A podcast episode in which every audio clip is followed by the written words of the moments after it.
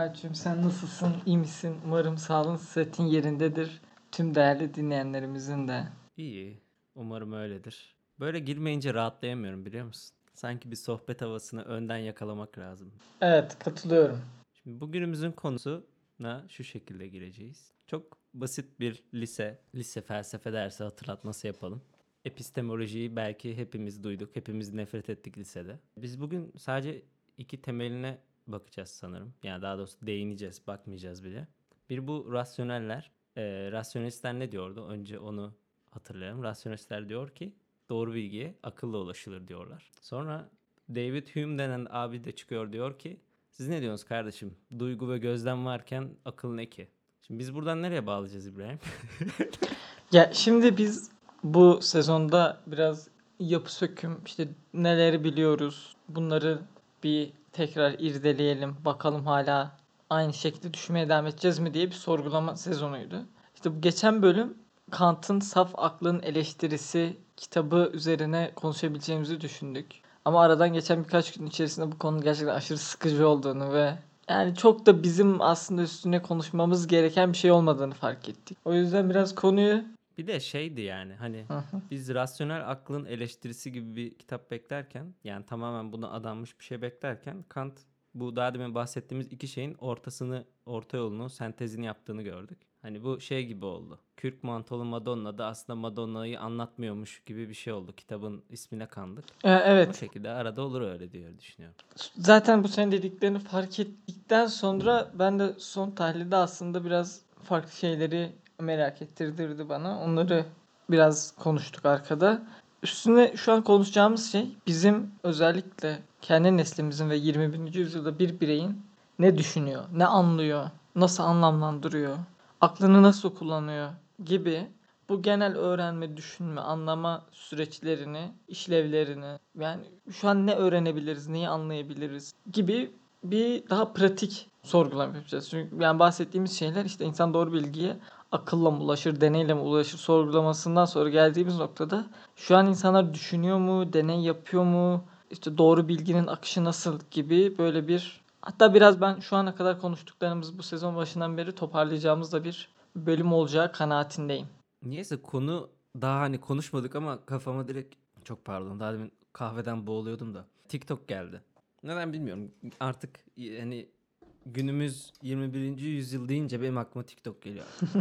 evet çok alakasızdı. Devam edebiliriz İbrahim.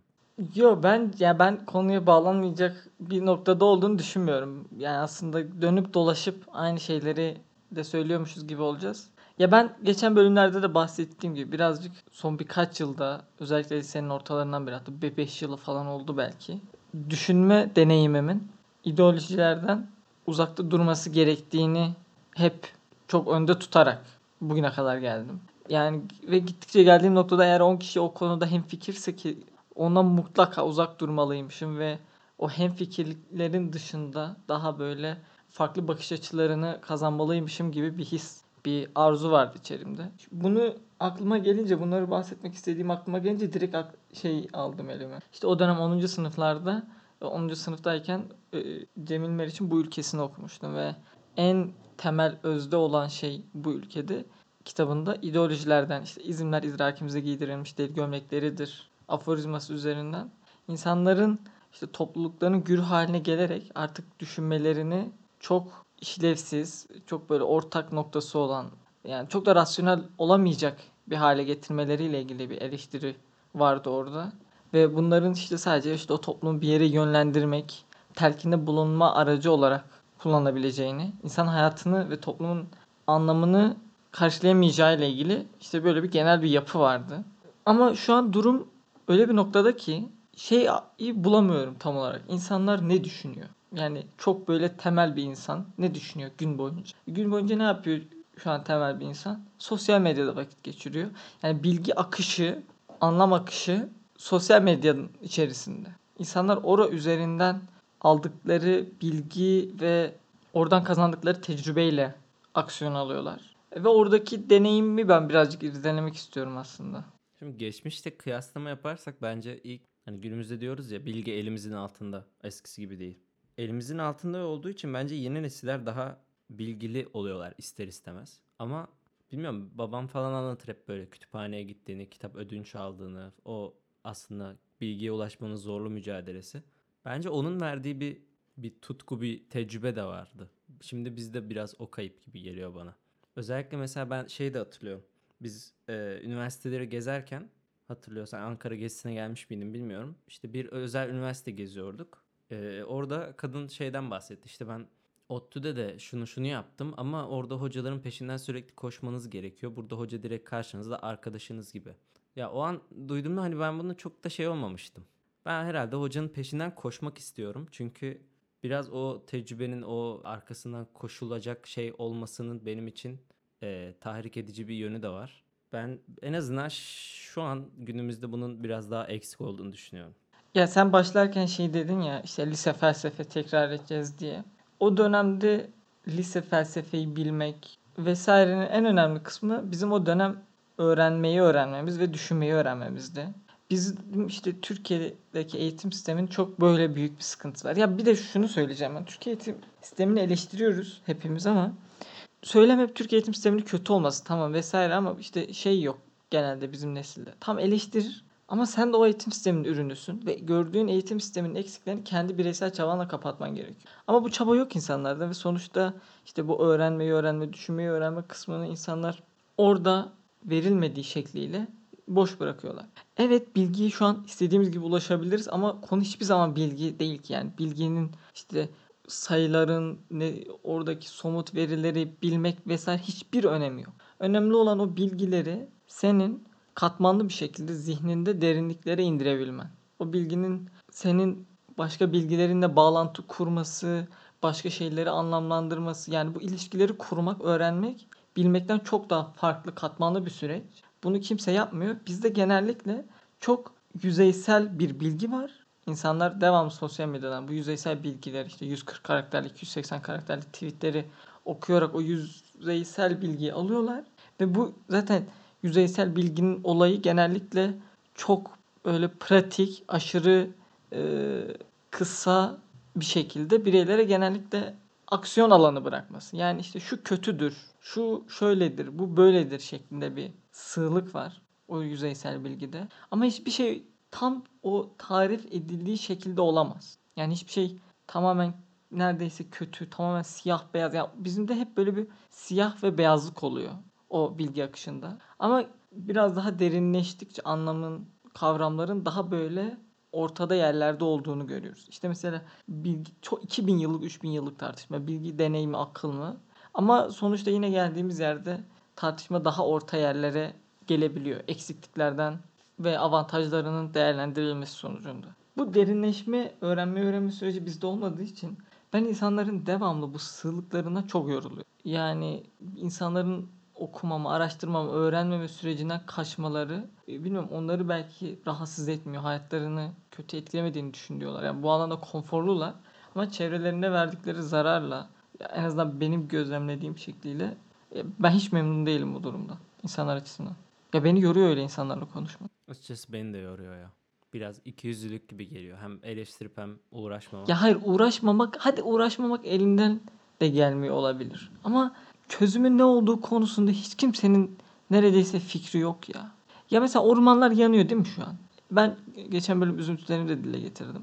Yani orman yangınları için hava desteği gereklidir bir söylem, bir çözüm. Ama insanlar bunu getirdikleri noktada böyle bir slogan haline getirdiler. Orada güruhun mevzusu ülkeye yangın uçaklarının gelip orman yangınlarını söndürmesi değil, çok büyük bir kesim için söndürmesi değil, bunu söylemek oldu. Yani insanların meseleleri devamlı bir söylemde bulunma ihtiyacı doğuruyor.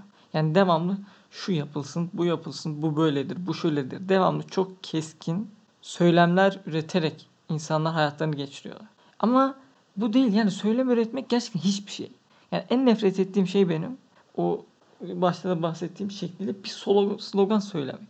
Yani %90 ben dalga geçmek için genelde slogan kullanıyorum. Çünkü bu olamaz yani bunun pratik karşılığı kesinlikle çok alt seviyede ve bana hiçbir zaman makul gelmiyor. Bu yüzden doğru dahi olsa sloganlaşmış söylemlere karşı benim hep böyle bir antipatim var. Ve bu söylemleri kullanan insanları devamlı o küçük söylemleri biriktirerek bunları devamlı argüman olarak satan insanlarla tartışmak yani gerçekten böyle ömrümden ömür götüren şeyler arasına giriyor. Çünkü normalde bir tartışmada sunacağın karşılıklı argümanların insanların bu yapı sökümüne destek olması gerekir. Çünkü öğrenme bireyin kendi bilgilerini yeniden düzenlediği, yeniden katmanlaştırdığı bir süreçken biz orada bilgiyi birbirimize taş atmak için kullanıyoruz. Halbuki orada bilginin bir alışverişte olması ve iki bireyin de zihninde değişime sebep olmasını bekleriz. ideal şartlarda. Ki ben tek taraflı kitap okurken, bir şeyler öğrenirken de, birileriyle bir şeyler tartışırken de bunu çok öncelemenin katkısı olduğuna inanıyorum. Ama devamlı birbirine taş atan insanları izliyorum. Sonra bunu çok büyük ölçüde azalttığım için hayat kalitemin arttığını söyleyebilirim ama artık bana taş atan insanlara yani yokmuş gibi davranıp devam ediyorum. Bazen çok canım sıkılıyor böyle insanları taşlamak istediğimde belki bu tuzağa düşüyorum ama genelde yani daha böyle kendime olan saygımdan dolayı bu insanların taşlarını ne izlemeyi ne de tarafı olmayı sevmiyorum. Taşlama mevzusu. Benim asıl korkum şu İbrahim. Şimdi bir nesil bu dünyaya daha doğuyor her geçen gün. O Nasıl bir cümleydi ya? Hani doğdukları yer o kadar i- imaj dünyası ki herkes bir şekilde dışarıdaki görünümüne odaklanmış durumda şu an. Hani şeyi de çözemiyorum. Bir dakika ben bu konuyu nasıl bağlayacağım bir düşüneyim.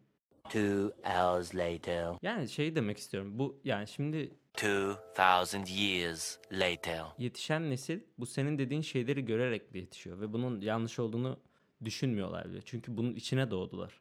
E bunun için ileride belki daha büyük sıkıntılar yaşıyorlar. Belki e, önceki e, nesillerin yaşamadığı sıkıntılar yaşıyorlar. Yeni yeni şeyler. Bazı şeylerden kurtulmuş olsak da.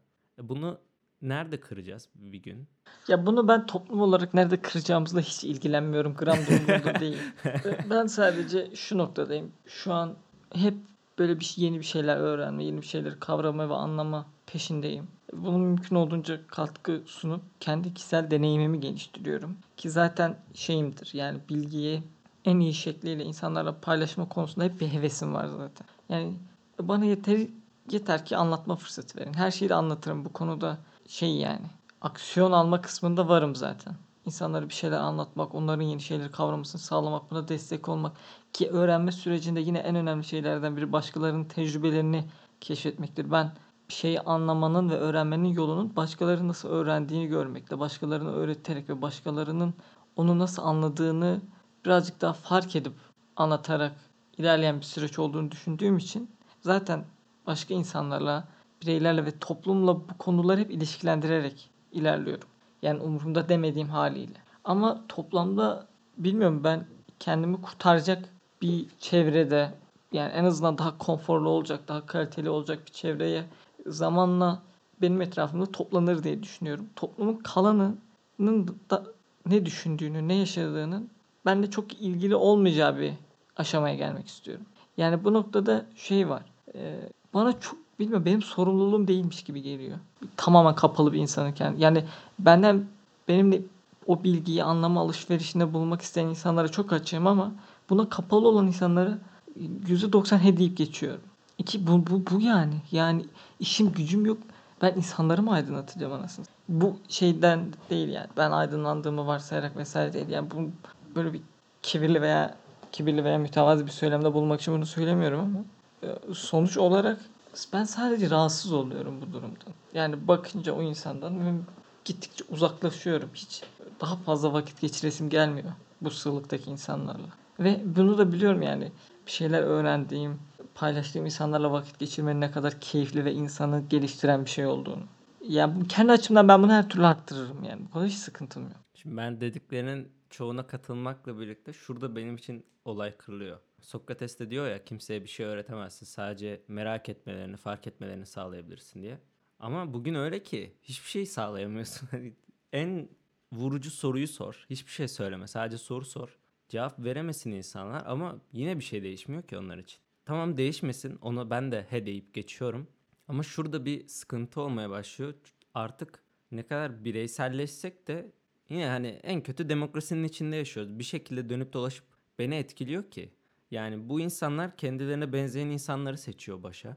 Bu insanlar Hı hı. kendilerine benzeyen insanları daha ünlü yapıyorlar. Daha zengin hale getiriyorlar. E, Onların kullandığı yerler saçma sapan olunca benim de canım sıkılıyor yani.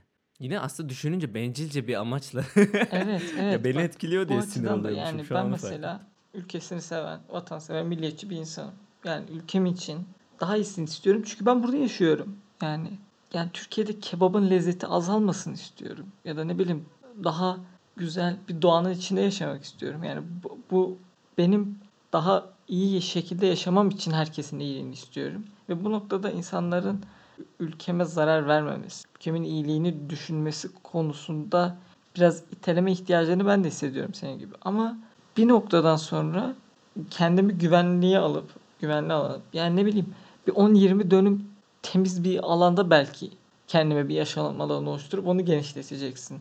Yani kendi kapının önünü temiz tutma muhabbetini yine küçük de olsa bir lokasyonda tutup kendi güvenliğini sağlayabilirsin belki bu şartlarda. Ama şey çok zor yani insanların iteleyip daha iyi bir şey tercih etmelerini sağlamak. Bana çok zor geliyor. Bunu nasıl yapılır biliyorum yani gayet böyle politik, hedef gösterici, tetikleyici, kutuplaştırıcı söylemlerle bunu insanlar çok rahat yapıyorlar. Ya slogan atarak ben de onlara ama doğrunun bir sloganı olabileceğine ben inanmadığım için bunun mümkün olmadığını düşünüyorum. Şimdi ben kitabı tam bitirmediğim için sana sormak istiyorum. Yalın Alpay'ın Yalın'ın siyasetini okuyorduk ya. Ben daha böyle ortalarını falanım. Ee, kendisi şeyden bahsediyor mu? Bu gidişatın nasıl son bulacağından ya da nerede nasıl biteceğinden. Ya da senin bu konuda fikrin var mı? Kitabın ortalarından sonra daha çok şeye odaklanıyor. Safsata türleri gibi işte argüman türleri üzerine yoğunlaşıp böyle birazcık o konuda tanımların ve örneklerin olduğu bir bölüme geçiyor. Öyle bir önerisi yok. Öyle bir öneri çok zor. Ya bak, bak çok basit bir formülü var aslında bu önerinin. Şey diyoruz ama hani insanları çok umursamıyoruz diyoruz ama insanlar okudukça, kitapla ilişki kurdukça net bir şekilde artık daha iyi düşünmeye başlıyorlar. Bu çok net bir formül. İnsanların kitapla ilişki kurması, kurgu dışında kitaplar okuması. Bu konuda yönlendirilmeye bile ihtiyaç yok. Zamanla yollarını bulacaklar zaten. Tek şey bu süreçte akıllarını berrak tutma tercihinde bulunmalarını devamlı gerektiren bir süreç bu. Çünkü o kitaplarda da var sloganlar, şeyler. Ama yine de her şekliyle 140 karakterli bir tweetten daha şey kapsamlı argümanlar var. Orada kapsamlı bilgiler var. Yanlış bile olsa bir noktadan sonra onu zaten sorgulamaya başladığında doğruyu bulmanı sağlayan bir şeyin içine sokuyor seni. Yani yanlış bile savunacaksan sloganla değil daha kaliteli argümanlarla savunması gerektiğini düşünüyorum insanların. Bu yüzden çok basit. Yani insanlar kitap okuyacaklar. Türkiye'de kitap okuma oranları artarsa insanların refah seviyesi de artar. İnsanların politik tercihleri de daha faydalı hale gelir. Çevreye verdikleri zararı azaltırlar. Ya ben düşünüyorum abi bak çok bir, birkaç dakikalık düşünme. Ben bu çöpü yere attım tamam. Ne olacak o çöpe? Ya o işte dolanacak, hayvanların ağzında gidecek, hayvanlara zarar verecek, ebediyen çürümeyecek. Sonra çok pis ve rahatsız edici bir görüntüye dönüşecek. Yani birkaç aşamasını yaptığım bir hareketin düşününce ya diyorsun ben bunu yapmayayım iki adım sonra çöpe atayım. Ki beni işte iki hafta sonra yerde gördüğümde o çöp rahatsız etmez. Bu katmanda düşünmeye çok basit haliyle ulaşmak için gereken şey eğitim. Bir de yine eski bölümlerde söylemiştik.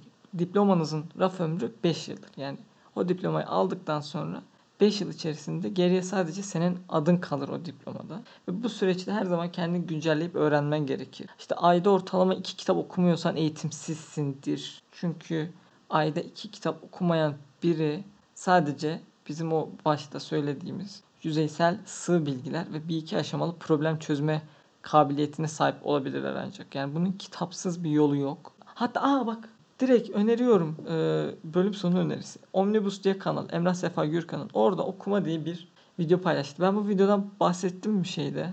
Podcast'te hiç. Bahsetmedim değil mi o videodan? Ben podcast'te mi bahsettiğin, kayıt dışı mı bahsettiğini hatırlamıyorum ama bahsettiğini hatırlıyorum. O zaman hatırlatalım. Ee, şeyde bahsettiysem de. Ya 20 dakikalık video nasıl okuyacağınızı, ne okuyacağınızı falan anlatıyor. Okuma 101 şeyde. Kitap nasıl okunur diye bir video. Emrah Sefa Gürkan'ın. Yani orada 25 dakikada insanlar nasıl okuması gerektiğini anlatıyor ve lise boyunca biz nasıl okumamız, nasıl öğrenmemiz, nasıl anlamamız gerektiği kesinlikle anlatılmamış. Ki çok temel bir etkinlik.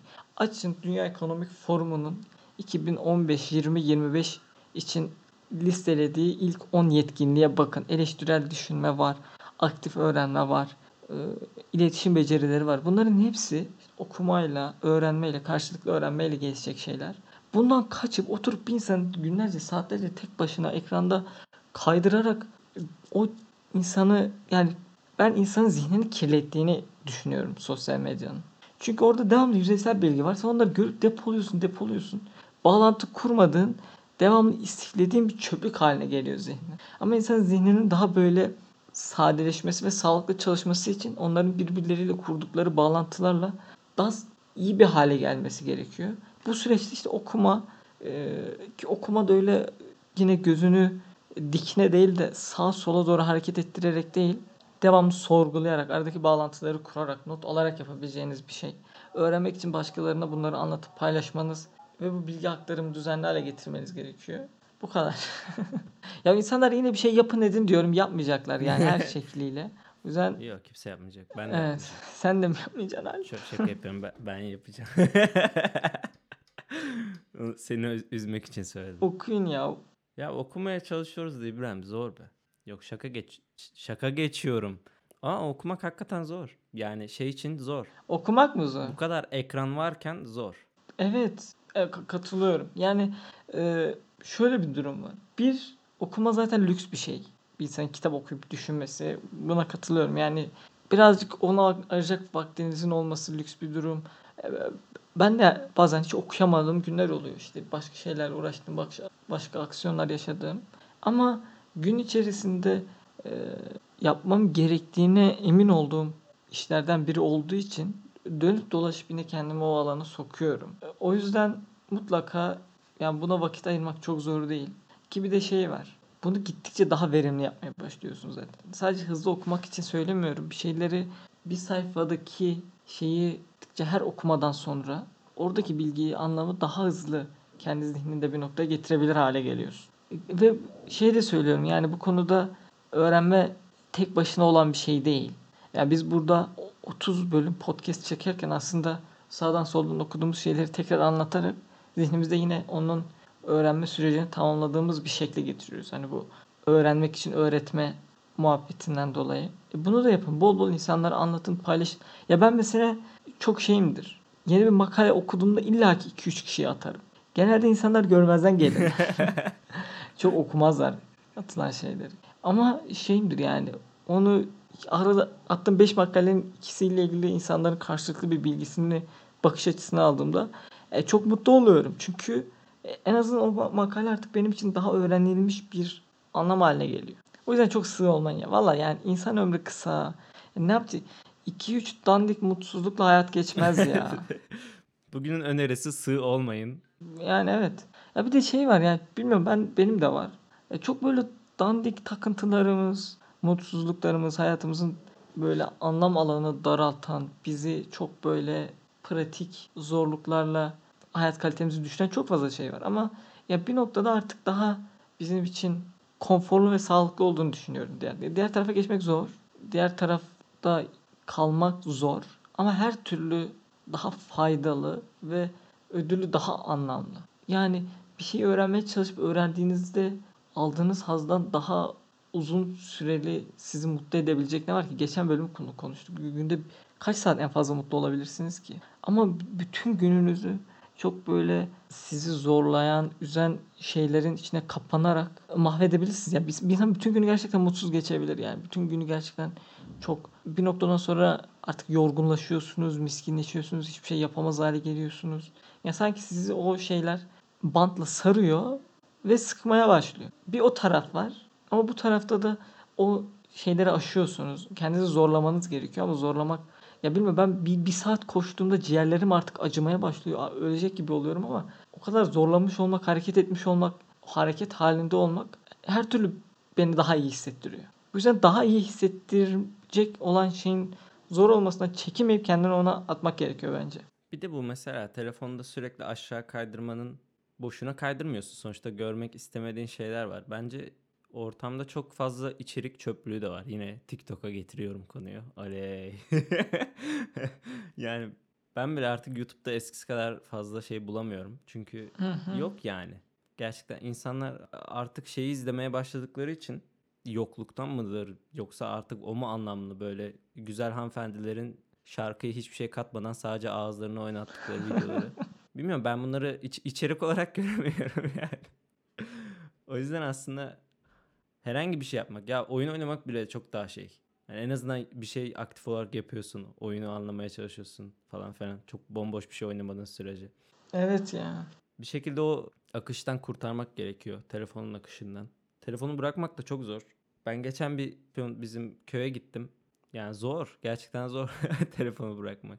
Onun dışında kitap okuyayım dedim. Dedemlerle konuşayım dedim. Yani iyi ki de gitmişim. Zor da olsa bir şeyler yapmak gerekiyor çünkü. Aslında konuyu neredeyse bitirdik ya. Bir sonraki bölümün planını yapalım mı? Aynen. Hangi aradan gerçekliğin çıksın. altını deşmek istersin? Şeyi düşünüyorum şu sıralar hani podcast işini nasıl neler artık nasıl devam edeceğiz diye düşünüyoruz ya. Ya ben arada bazen tekrar düştüğümüzü hissediyorum. O yüzden yeni konular üzerine neyin konuşulmaya değer olduğunu biraz merak ediyorum. Yani şu an şey söyledik ya hani ya hayatın pratiği farklı bir noktada ama böyle daha öğrenmemizin çok gerekli olduğu bir alan da var. Ya ben mesela yine şey önemsediğim konulardan biri dünyanın problemleri ve çözüm önerileri üzerine düşünmeyi ve konuşmayı seviyorum. Çünkü benim mesleğim zaten bununla ilgili. Yani dönüp dolaşıp insan sağlığının etkileyen faktörleri anlamam gerekiyor ki onlarda fark yaratabileyim. Onun dışında yine bizim kendi yaşantımızı daha verimli yapacak şeyler. Yani hep böyle ucu bize dokunan bazı konular var. Belki onlar üzerine konuşabiliriz. Ya da sona yaklaşırken bir veganizm patlatabiliriz. Çünkü hala kaça kaça patlatmadık. Aa, gerçekten olabilir aslında. Geçen de zaten şeyleri falan izledim biliyor musun? Bu ne nasıl yapılır videoları var ya. Sosis, Pringles, Evet. o tarz şeyleri izledim. Aslında olabilir gerçekten. İşlenmiş et yemeyelim. İşlenmiş et zararlı ama normal et yiyelim. Ya almaya paran varsa ye. Ne diyeyim? Ben sadece tavuk tüketiyorum. Böyle de fakirim. Evet. Niye normal etin günahı ne? Pahalı olması fiyat olarak. Yani Ha evet evet. Siz tabi İbrahim Bey siz Migros'larda, Makroser tırlarda gezerken biz A101'de ucuz tavuk arıyoruz ya. Oğlum bizim burada ne Migros var ne Makrosen. bizim burada yani hiç öyle şeyler yok. En son ne zaman Migros'a girdiğimi İyi o zaman hatırlamıyorum. burada bitirelim istersen. Lütfen dinleyicilerimize kendilerine iyi bakmalarını söyler misin İbrahim? Hep ben söylüyorum. Değerli dinleyenler siz üzülmeyin yoksa biz daha çok üzülürüz. ya bir de bir şey diyeceğim. Bak 50 bö- kaç bölüm oldu? 30 bölüme yaklaştık. Belki 30 bölüm olmuş da olabilir. Şu ana kadar anlattıklarımızdan akıllarında en çok kalan bilgi, bakış açısı vesaire ne varsa Allah için Google şey var. Hem podcast'in açıklamasında hem bölümün açıklamasında form var. Oraya bir yazın. Ben çok merak ediyorum. Bizi dinleyenler dinleyince yani onlara ne geçirebildiğimizi o geri bildirimi merak ediyorum. Çünkü birazcık nasıl devam etmediği, etmek istediğimizle ilgili de fikir verecek bir konu. Zaten anonim form. Yani kimin bizden ne anladığını bilmeyeceğiz. Sadece oraya gelen herhangi bir yani zorla kendinizi belli etmezseniz anlamıyoruz. O yüzden tamamen özgür bir şekilde, hür bir şekilde iyi, kötü, linç, eleştiri her şeyi açın. Yazın bir bakalım. Bu konuda biraz meraklıyım. O yüzden geri bildirim atın diyorum. Kendinize iyi bakın diyorum. Sağlıcakla kalın diyorum. Bye bye.